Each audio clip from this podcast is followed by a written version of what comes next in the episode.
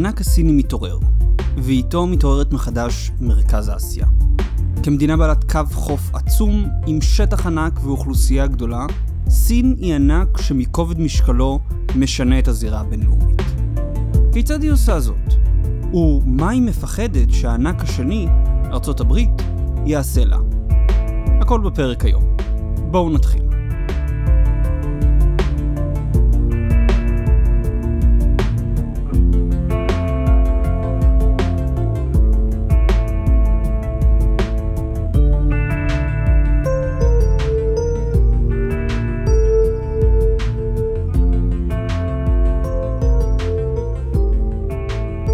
דיברתי בפרק הקודם על מדינת המשטרה של שינג'יאנג, על האינטרסים הסינים במחוז והיחס שמחוזות פרובלמטיים נוספים עלולים לקבל מבייג'ין, כמו למשל הונג קונג. ראינו איך סין מנצלת את תעשיית ההייטק שלה בשביל לשלול זכויות פוליטיות, בקו אחד עם העמדות של המשטר על כך ששגשוג חשוב מחירות וזכויות כלכליות חשובות מזכויות פוליטיות. בפרק היום אנחנו מתחילים לפנות החוצה, אל היחס של סין אל העולם. הודות לניתוח שכבר עשיתי, של הבסיס הרעיוני של שי והמפלגה הקומוניסטית, הבסיס ההיסטורי והפוליטי שהם עומדים עליו, אנחנו נוכל לבנות את הגישה של סין לעולם מעקרונות בסיסיים, מהבסיס שבעצם ניתחתי. נוכל להבין מדוע בזירות מסוימות סין אגרסיבית מאוד, כמו בים סין הדרומי וטיוואן, ובזירות אחרות היא דווקא ידידותית ומחפשת שיתוף פעולה, כמו בדרך המשי החדשה ובאפריקה. הפרק היום יוקדש לבנייה של הגישה הגאו-אסטרטגית של סין ממה שכבר למדנו עליה. אנחנו נבנה אותה ולא ננתח אותה. משום שבתהליך האקטיבי של בנייה אנחנו ניכנס לראש של שי ג'ינפינג וההנהגה הסינית הבכירה. בפרק הזה נתמקד בהשלכות של הגישה הגאו-אסטרטגית של סין על מזרח אסיה, בעוד בפרקים הבאים נראה כיצד היא מתבטאת באירו-אסיה ומעבר לה.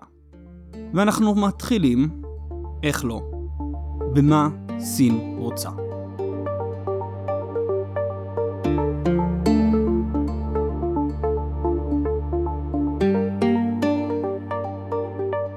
האסטרטגיה משרתת מטרות, ומטרות נובעות מרצון. בשביל להבין את הגאו-אסטרטגיה של סין, אנחנו חייבים להתחיל ממה סין רוצה. הבהרתי בתחילת הסדרה שכאשר אני אומר סין, אני מתכוון למפלגה הקומוניסטית של סין. ספציפית, לקודקוד הכוח שלה, הלשכה הפוליטית, ועוד יותר ספציפית, לשי ג'ינפינג. חשוב לי כאן לסייג ולהבהיר ששי ג'ינפינג הוא כנראה האדם החזק ביותר בסין, אך הוא לא היחיד בה. גם אחרי הטיהור הגדול, שי עדיין נאלץ לחלוק את כוחו בפסגה עם המחנות היריבים של הו ג'ינטאו וג'יאנג זמין. שי לא יכול לעשות ככל העולה על רוחו. אני מקווה שעוד אפתח את הנקודה הזו, אך כרגע חשוב לי להדגיש ששי הוא מצד אחד לא שליט בלתי מעורער, ומצד שני הוא גם לא מנהיג סמלי בלבד. כניסה לנעליים שלו לכן לא רק מפשטת לנו את התהליך של לחשוב על מה סין רוצה, אלא היא גם כנראה קרובה למה שקורה בפועל. שי הוא המעצב הראשי של המדיניות הסינית, למרות שלא הוא היחיד שקובע מה היא תהיה. אז מה שי רוצה? טוב, בואו נתמצת רגע את הנרטיב ההיסטורי של שי. לפני 170 שנה, סין הייתה כוח עולמי אם לא הכוח העולמי. היא הייתה אימפריה חזקה ומשגשגת, שתרמה רבות לעולם, אם במדע, טכנולוגיה או תרבות. אולם, עקב איומים מבית ומחוץ, בגלל מרידות בפנים ותוקפנות מבחוץ, האומה הסינית נפלה וחוותה את מאה שנות השפלה לאומית. מאה שנות ההשפלה הסתיימו כשהמפלגה הקומוניסטית ניצחה את האויבים מבית ומחוץ, והקימה את הרפובליקה העממית של סין ב-1949.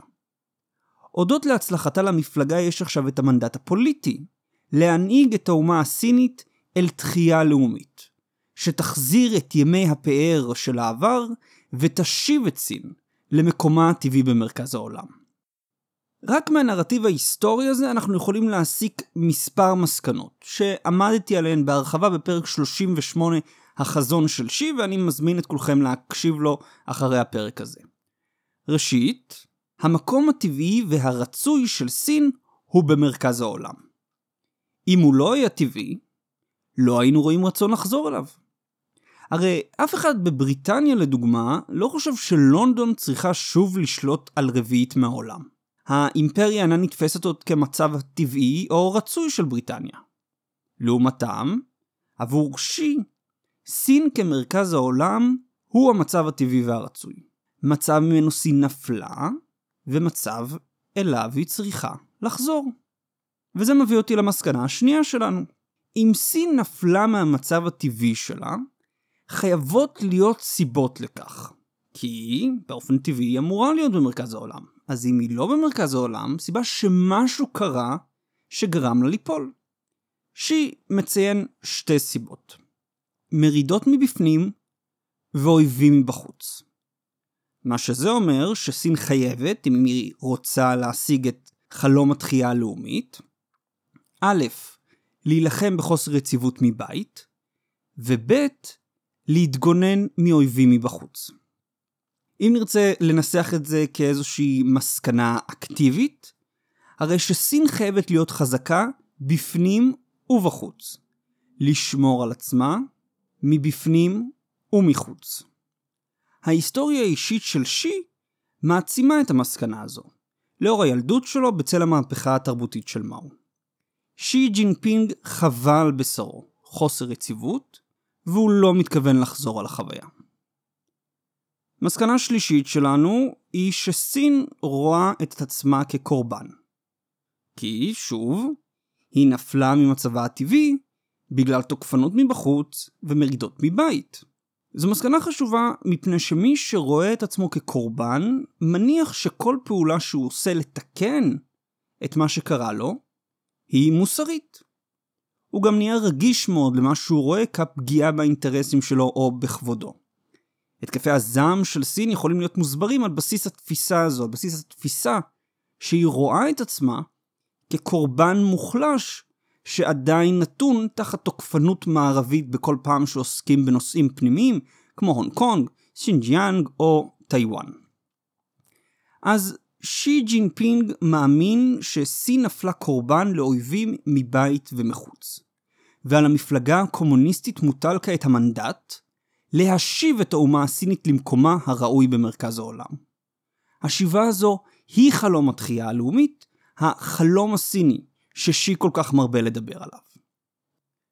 כבר כאן חשוב לשים לב שחלום התחייה הלאומית הוא קודם כל חלום התחייה של האומה, לא של כל פרט ופרט בה. המטרה היא לא שכל אזרח סיני ייהנה מחירות ושפע, אלא שהאומה הסינית, שזה עם המדינה הסינית, תחזור לכוחה, השפעתה ושגשוגה. השגשוג הכלכלי של הפרטים באומה הוא יעד משנה, הוא תוצאה נלווית לתחייה הלאומית. חשוב להדגיש את הנקודה הזו מפני שכשנתקדם בסדרה, אסור לנו לטעות ולשכוח שההנהגה הסינית קודם כל מחויבת לעצמה. המפלגה הקומוניסטית הסינית דואגת בראש ובראשונה לשימור של עצמה, ולשם כך היא מעוניינת להשיג רווחה כלכלית יחסית לעם שלה, ולייצר לגיטימציה לשלטון שלה על ידי הסיפור שהיא מחזירה לתחייה את האומה. אם המפלגה תעמוד בפני הברירה של לחדול, או להשיב את הדיקטטורה הקומוניסטית בכל תוקפה, היא כנראה תבחר באפשרות האחרונה. חשוב שהנקודה הזאת תהיה לנו תמיד ברקע כשאנו מנסים לחזות את ההתנהגות הסינית. אז חלום התחייה הלאומית הוא חלום התחייה של האומה. החזרה לעבר בו סין הייתה כוח עולמי. אבל חלומות לא מספיקים, לצערנו. איך סין תגשים את החלום?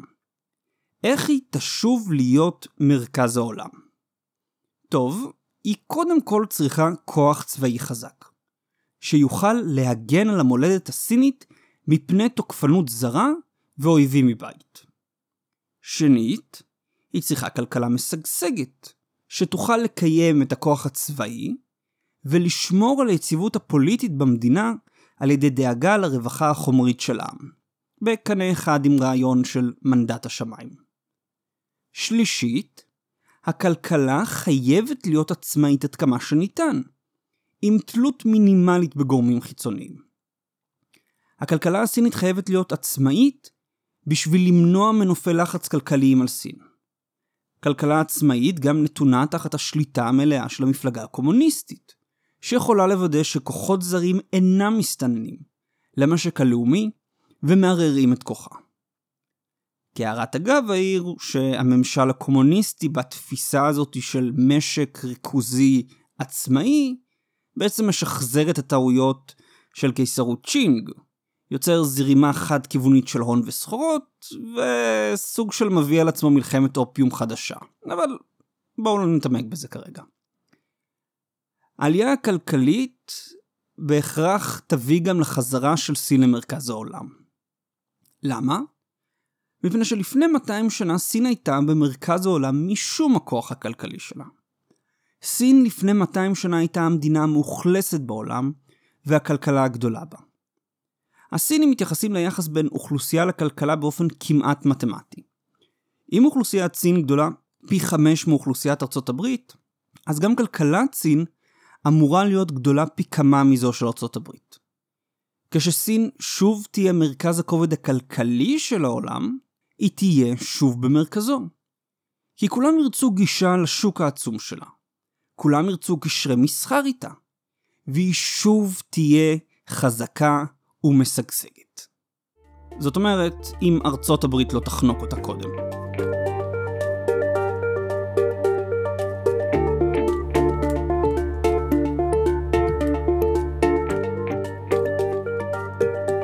החזרה של סין למרכז העולם היא בעלת משמעות היסטורית. הסדר העולמי הנוכחי שלנו, הסדר שארצות הברית ובעלות בריתה גיבשו אחרי מלחמת העולם השנייה, גובש כשסין הייתה מוכה ומושפלת. ב-200 השנים בהן המערב הפך להיות הכוח הדומיננטי בפוליטיקה העולמית, סין נדחקה לשוליים של העולם, צבאית, כלכלית ופוליטית. רק בסוף המאה ה-20 סין התחילה לשוב ככוח כלכלי כמו שהייתה בתחילת המאה ה-19.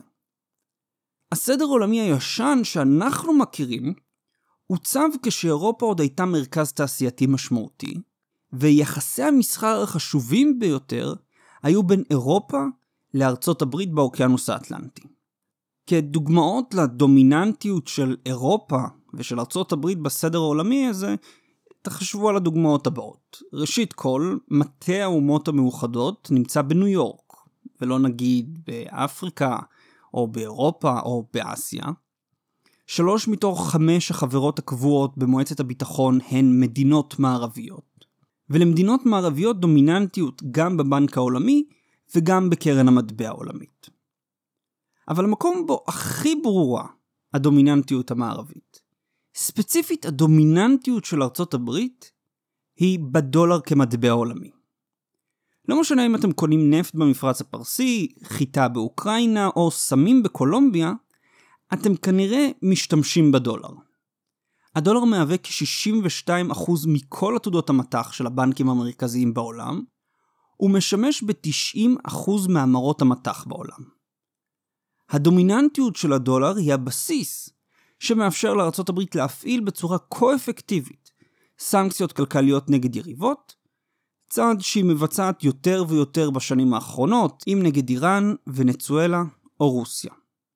אז דמיינו שאתם עכשיו יושבים בוושינגטון, ואתם רואים איך הסדר העולמי שנתן לכם דומיננטיות, שקיבע אתכם כמעצמת העל היחידה של העולם, משתנה. אירופה יורדת בחשיבות הכלכלית שלה, בעוד מזרח אסיה, ובמיוחד סין, עולות כלכלית. הבעיה העיקרית שלכם עם זה, היא שאתם מאבדים את חוסר הסימטריה של הסדר הישן. בסדר המערבי הישן, המדינות האירופאיות תמיד היו קטנות וחלשות יותר מארצות הברית. ארצות הברית הייתה הענק היבשתי, הדמוגרפי, הכלכלי והצבאי. זה היה תמיד המקל מעל האירופאים, מקל שעכשיו דונלד טראמפ השתמש בו בשביל להוציא הסכמים נוחים יותר מהאירופאים. אבל המקל הזה תמיד היה. ארצות הברית תמיד הייתה הענק בסדר המערבי הישן. העלייה של סין מחזירה סימטריה ליחסים הבינלאומיים. סין לא קטנה כמו צרפת, גרמניה או בריטניה. היא ענק יבשתי ודמוגרפי בדיוק כמו ארצות הברית. תוסיפו לזה כוח כלכלי בסדר גודל של ארצות הברית, ויש כאן מעצמה שיכולה להתמודד עם ארצות הברית בזירה הבינלאומית. שהיא יכולה לאזן אותה. והיא מתמודדת. הסינים תחת שי ג'ינפינג התחילו לאתגר את הסדר העולמי הישן. הם הקימו את הבנק האסיאני להשקעות תשתית, Asian Infrastructure Investment Bank, שאגב, ישראל היא אחת מהחברות בו, כגרסה סינית לבנק העולמי.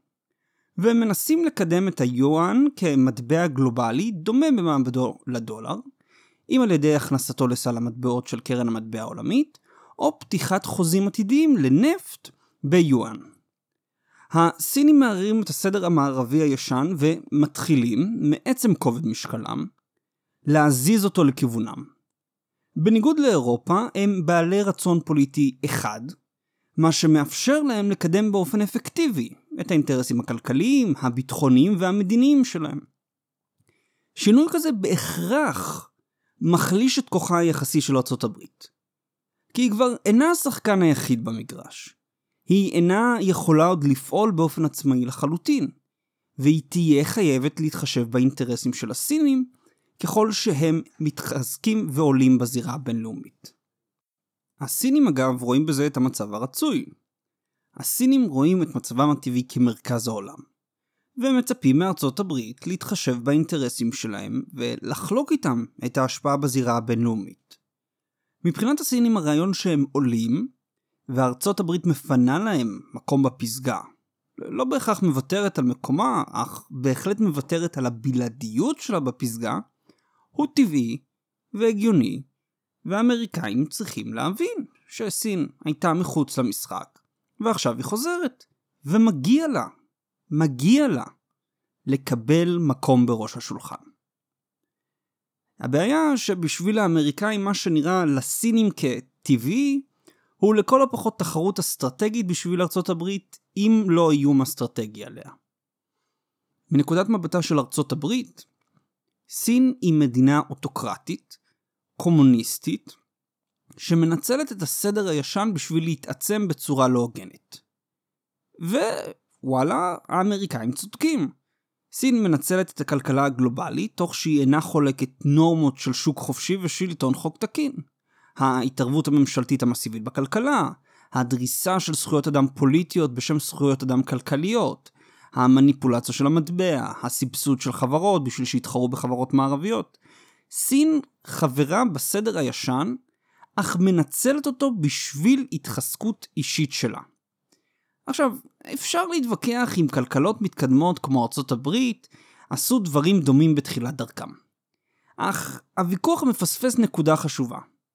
סין חברה בסדר העולמי בתקופה בה פעילות כזו כבר אינה מקובלת. והיא עצמה חתומה על אמנות כמו זו של ארגון הסחר העולמי, האוסרות על פעילות כזו. גם אם פעם הזירה הבינלאומית הייתה ג'ונגל, היום היא אינה כזו. לטעון שההצדקה להפרת נורמות בינלאומיות היא שהם עשו זאת קודם, היא ילדותית ופוגעת בנורמות שהן הבסיס של הכלכלה הגלובלית שלנו. אבל אני סוטה מהנושא. בואו נחזור לענייננו. העלייה של סין מאיימת על הדמויננטיות האמריקאית. אם כמתחרה ואם כיריבה ממש. היא משנה את הסדר העולמי הישן, מערערת את יסודות הכוח של ארצות הברית, ובניגוד לאירופה או רוסיה, לסין יש את המשקל הדמוגרפי והכלכלי להתחרות עם האמריקאים. השאלה המעניינת אבל היא לא מה ארצות הברית תעשה בנוגע לזה, אלא מה סין חושבת שארצות הברית תעשה בשביל למנוע את עלייתה והגשמת חלום התחייה הלאומית.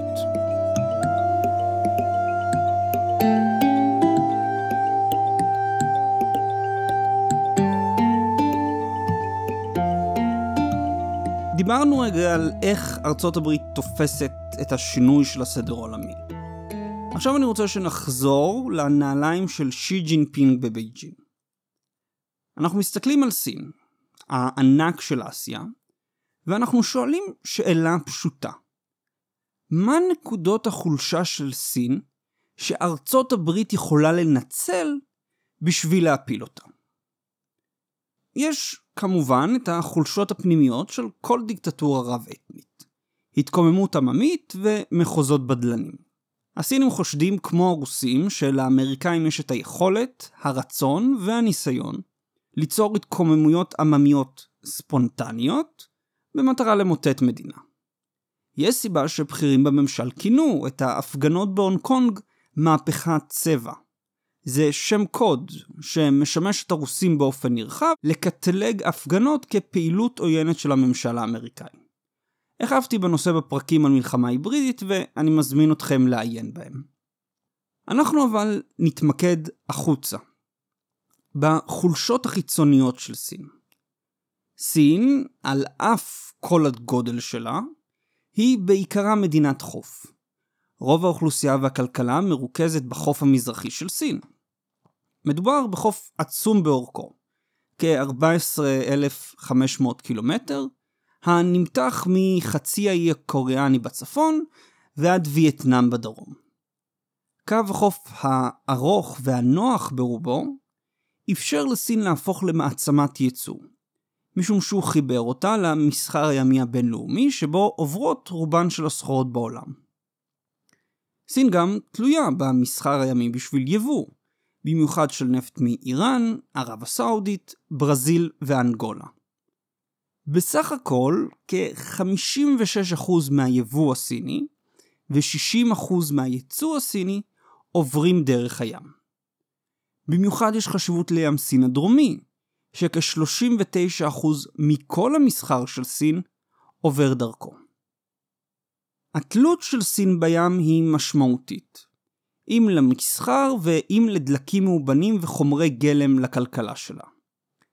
רצה הגורל וארצות הברית, היריבה של סין, היא מעצמה ימית עולמית, עם הצי החזק בעולם. ונוסף על זה, ארצות הברית גם שולטת בשרשרת האיים לכל אורכו של החוף הסיני. אסביר. משום הגיאוגרפיה של מזרח אסיה, המרחב הימי של סין, למרות שהוא מאוד ארוך, הוא לכוד בשני ימים מרכזיים. ים סין המזרחי וים סין הדרומי. ים סין המזרחי ממוקם בצפון מזרח סין, היכן שממוקמות בייג'ין ושנגחאי. הים הזה מוקף ממזרח על ידי דרום קוריאה ויפן, שתי בעלות ברית של ארצות הברית עם נוכחות צבאית אמריקאית. ים סין הדרומי, שכשמו, כן הוא ממוקם בדרום סין, כולל את המרכזים של הונג קונג, גואנדונג ומקאו. כאן לאמריקאים יש נוכחות בפיליפינים, בסינגפור וטיפה רחוק יותר באוסטרליה. אם אתם, אגב, לא מצליחים לדמיין את כל זה, אני מאוד ממליץ לכם להיכנס לאתר, שם תוכלו לראות מפה של כל מה שאני מתאר. לא משנה לאיזה כיוון סין תסתכל בים. צפונה, דרומה, מזרחה, היא תראה את ארצות הברית ובעלות בריתה. החשש הסיני שארצות הברית תנצל את העליונות הימית שלה בשביל לשבש את תנועת האוניות אל סין או מסין. בתרחיש היפותטי כזה, ארצות הברית תנצל אירוע כמו ההפגנות בהונג קונג או התנגשות ספינות בים סין הדרומי כתירוץ להטיל מצור ימי על סין. המטרה לא תהיה להרעיב את הסינים. זה לא אפשרי פרקטית ואסור לפי החוק הבינלאומי, אלא לפגוע כלכלית בהם. ארה"ב לדוגמה תוכל לעכב ספינות נפט וחומרי גלם מלהגיע למפעלים סינים, גורמת נזק של מיליונים באיחורים וביטול הזמנות. היא גם תוכל לעכב או אפילו לעצור ספינות עם סחורות סיניות. שוב גורמת לנזק של מיליונים ליבואנים שהם מצפים למשלוחים. לאורך זמן, המצור עלול להביא יצרנים להוציא את מפעליהם מסין בשביל לצמצם נזקים, ולנתק את סין מהכלכלה הגלובלית. לאט ובהתמדה ארצות הברית תוכל לחנוק את היריבה הכי גדולה שלה מאז ברית המועצות. עכשיו אני יודע מה אתם רוצים להגיד. ניצן זה הזוי. הרי ברור שארצות הברית לא תטיל מצור על סין בשביל לחנוק אותה. זה תרחיש בלתי אפשרי. טוב, חברים, אני רוצה להזכיר לכם שלא רק שהתרחיש הזה אפשרי, הוא גם קרה. מלחמת האופיום הראשונה, אירוע הפתיחה של מאה שנות השפלה, הייתה מלחמה מערבית נגד סין בגלל גירעון מסחר לטובת סין. האימפריה הגדולה של צ'ינג הובסה, הושפלה והתמוטטה מפני שהמערב ניצל את היתרון הצבאי שלו בשביל להשיג יתרון כלכלי. עכשיו, אם בפועל נקודת המבט ההיסטורית הזו מדויקת או לא, זה לא משנה. ההנהגה הקומוניסטית מחפשת לקחים מההיסטוריה, והלקח ממאה שנות השפלה הוא מאוד ברור. אם סין לא תהיה חזקה מספיק להגן על עצמה, עלולים לחנוק אותה. עלולים להרוס אותה. כשבאים לעסוק באסטרטגיה לאומית, אי אפשר להתבסס על הרצון הטוב של היריב והחוש המוסרי שלו.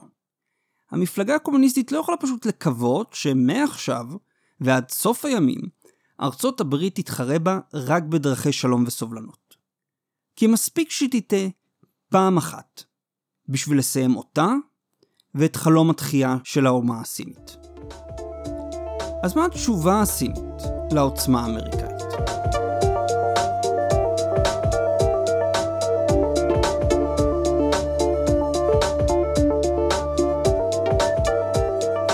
בואו נעשה סיכום קצר של מה שדיברנו עליו עד.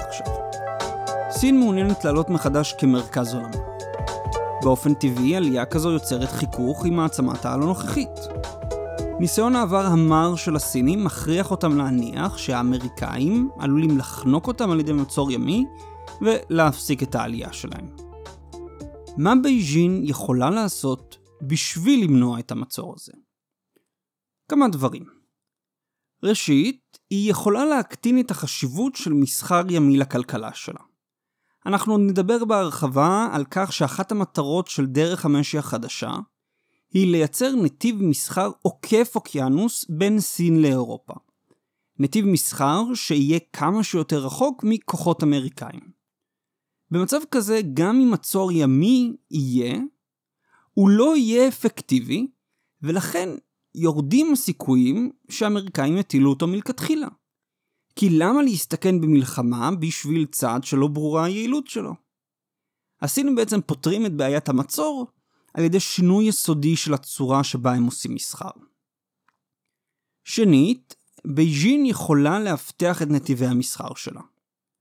הסיכוי שמישהו יפריע לספינה סינית קטן יותר, אם בקרבת מקום יש צוללות סיניות או משחטת.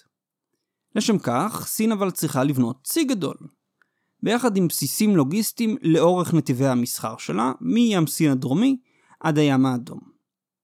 לסין כבר היום יש נוכחות צבאית בג'יבוטי בקרן אפריקה, והיא מקימה מספר נמלים באוקיינוס ההודי, כולל פקיסטן, סרי לנקה ומפרץ בנגל, שיוכלו לתמוך בפעילות של הצי הסיני בעתיד. היא גם מחזקת כל הזמן את הנוכחות הצבאית שלה בים סין הדרומי, בין השאר בשביל למנוע שיבוש של תנועת האוניות שלה שם. שלישית, בייג'ין יכולה להגביל את מרחב הפעולה של הצי האמריקאי, על ידי העלאת המחיר של הסלמה. בשביל להסביר למה אני מתכוון, אני רוצה שנדמיין ביחד תרחיש היפותטי. בואו ודמיינו שמחר בבוקר ספינה של צי וייטנאם מתנגשת בספינת משמר החופים של סין. משרד החוץ הסיני קורא להתנגשות פעולה תוקפנית ברורה, שפוגעת בריבונות של סין בים סין הדרומי. משרד החוץ של וייטנאם לעומתו טוען שספינת משמר החופים היא שהתנגשה בספינת הצי, ושבכלל סין היא זו שמפרה את הריבונות של וייטנאם בים סין הדרומי. הסינים במחאה שולחים עוד ספינת משמר חופים, הפעם מלווה במשחטת. הווייטנאמים שולחים משחטות משלהם לסלק את הסינים. כל אחד מהמפקדים במקום צועק על השני שייסוג, הם מתחילים לתמרן קרוב יותר ויותר אחד לשני, עד שהמתיחות והלחץ גורמים למלאכים בשני הצדדים לפתוח בירי. יש הרוגים בצד של סין, יש הרוגים בצד של וייטנאם. תקרית הירי היא הזדמנות היסטורית בשביל סין. היא יכולה להשתמש בה בשביל להכות את הצי של וייטנאם ולהשתלט על עוד שטח בים סין הדרומי. הווייטנאמים, נחושים עד כמה שהם יהיו, לא יעמדו מול מלוא הכוח של סין. רק מה, אם נוסעות המטוסים של הצי השביעי יחליטו להתערב, מה שסביר שיקרה, סין תובס. מה שהיה אמור להיות הרגע בו בייג'ין מאלפת את הווייטנאמים, יהפוך לתבוסה הראשונה של הצי הסיני במאה ה-21. לא נעים. הדרך למנוע את זה, למנוע התערבות אמריקאית והסלמה בסכסוך בין סין לווייטנאם, היא לאיים על נושאות המטוסים של האמריקאים. על סיפון כל נושאת מטוסים משרתים כ-6,000 איש. אם נשיא אמריקאי ידע שבגלל התערבות בסכסוך בין סין לווייטנאם, 6,000 מלאכים אמריקאים עלולים למצוא את מותם במכה אחת, הוא יהסס להתערב מלכתחילה. ודאי שהוא יגנה את סין, יציע תמיכה לווייטנאם, אולי אף יפעל בערוצים דיפלומטיים. אבל לסכן 6,000 איש בשביל סכסוך במרחק אלפי קילומטרים מהמולדת? Mm, לא בטוח. הסינים אבל חייבים לוודא שהאיום אמין מספיק שהאמריקאים לא ינסו אותו.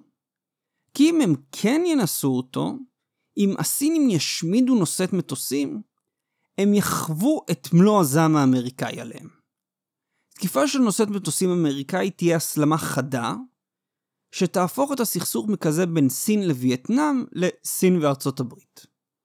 ארצות הברית תרצה לנטרל את האיום הסיני ולמנוע אבדות נוספות. עם 6,000 הרוגים הנשיא כנראה לא יהסס לאשר תקיפות אסטרטגיות בלב סין בשביל לחסל את כוחות הטילים שלה, בעוד הצי האמריקאי יתקוף וישמיד את הצי הסיני ויחסום ספינות מלהגיע לחופי סין.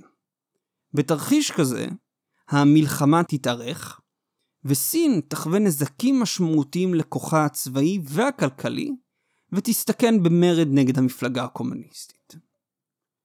המסקנה של התרחיש ההיפותטי שלנו שסין רוצה ליצור איום שיהיה מספיק גדול להרתיע את ארצות הברית מלהתערב בסכסוך אזורי, מחשש להסלמה מהירה שתפגע בכוחות האמריקאים. אך אם האיום הסיני לא יהיה גדול מספיק, או ברור מספיק, הם מסתכנים שארצות הברית בכל זאת תתערב בסכסוך, ותכריח אותם לממש את האיום. מה שיהפוך את הסכסוך האזורי למלחמה כוללת נגד מעצמת על. אז ממה מורכב איום שכזה? איום שנועד להרתיע את ארצות הברית מלהתערב בסכסוך אזורי? מכלים שמטרתם להשמיד כוחות ים אוויר, כמו צוללות, מערכות נגד מטוסים וטילים נגד ספינות. אני רוצה ברשותכם אבל להתמקד בטילים נגד ספינות מפני שהם מוצר מעניין וכנראה פחות מוכר של התעשייה הצבאית הסינית. טילים נגד ספינות נועדו לפתור בעיה די קשה. נוסעות מטוסין הן עמוד השדרה של הצי האמריקאי. משמשות להקרנת כוח, השגת עליונות ימית וביצוע תקיפות אוויריות גם במקומות רחוקים מבסיסים אמריקאים. כספינות הן מסיביות, כל נושאת מטוסים שוקלת כ-100 אלף טון, ועליה משרתים כ-6,000 אנשי צוות. עם המטוסים שלה וספינות התקיפה שמגנות עליה, נושאת המטוסים היא מטרה מפתה מאוד, אך גם קשה מאוד לתקוף. הפתרון של הסינים לבעיה הוא פשוט להפציץ את נושאת המטוסים עם טיל בליסטי. כן, מאלה שיוצאים מהאטמוספירה וחוזרים במהירות של כמה פעמים מהירות הקול. הסינים כיום עורכים ניסויים בשני טילים כאלו, ה-DF-21 וה-DF-26. מדובר בטילים שיכולים להיות משוגרים ממשגרים ניידים, והם בעלי טווח שנע בין 1,500 קילומטר ל-3,000 קילומטר. מה זה אומר בתכלס? זה אומר בתכלס שאם במצב ההיפותטי שלנו מתחיל סכסוך בין סין לווייטנאם, משגר של DF-26 יכול לצאת מאיזושהי מערה בטיבט, ולשגר טיל שיחסל נושאת מטוסים בים סין הדרומי. זה המרחק. הטילים האלו מייצגים אבל אתגרים מבצעיים לשני הצדדים, גם לסינים וגם לאמריקאים. לאמריקאים מדובר באיום נייד, שיכול להסתתר בעומקה של סין, לירות ולהיעלם. במקרה של מלחמה בין ארצות הברית לסין, גם מלחמה מוגבלת, ארצות הברית תיאלץ או ליירט את הטילים, או לחפש את המשגרים ולהשמיד אותם. האפשרות הראשונה קלה יותר לביצוע. לסינים יש אתגר ביצירת קיל צ'יין, שתוכל לאתר את מיקום נושאת המטוסים, להעביר אותו למשגר, ואז לתקן את המסלול של הטיל על ידי המשך הזנה של מיקום המטרה, שנע בכ-50 קמ"ש. קיל צ'יין כזה אולי יהיה אפשרי על ידי שימוש באינטליגנציה מלאכותית, שתאבד בזמן אמת את המידע ותשלוט בטיל במעופו.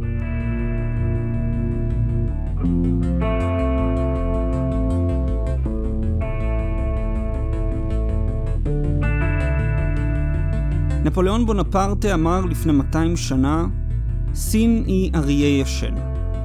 תנו לה לישון, כי כאשר היא תתעורר היא תזעזע את העולם כולו. סין התעוררה, והיא החלה לזעזע את העולם. בראייתה, היא חייבת להתגונן מארצות הברית ולהבטיח שהחזרה שלה למרכז העולם לא תיעצר על ידי העליונות הימית האמריקאית. דיברנו בפרק על הצי המתחזק שלה, הבסיסים שנבנים לאורך נתיבי המסחר, ובפרק הבא נראה איך סין רוצה לשבור את השרשרת האמריקאית מסביב לחופיה על ידי שבירת החוליה החלשה שלה, טיוואן.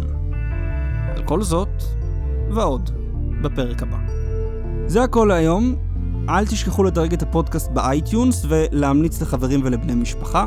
אם יש לכם הערות או הארות, אתם מוזמנים לשלוח אליי למייל בניצן פוקס שטרודלג'ימל.קום או דרך דף הפייסבוק של המשחק הגדול.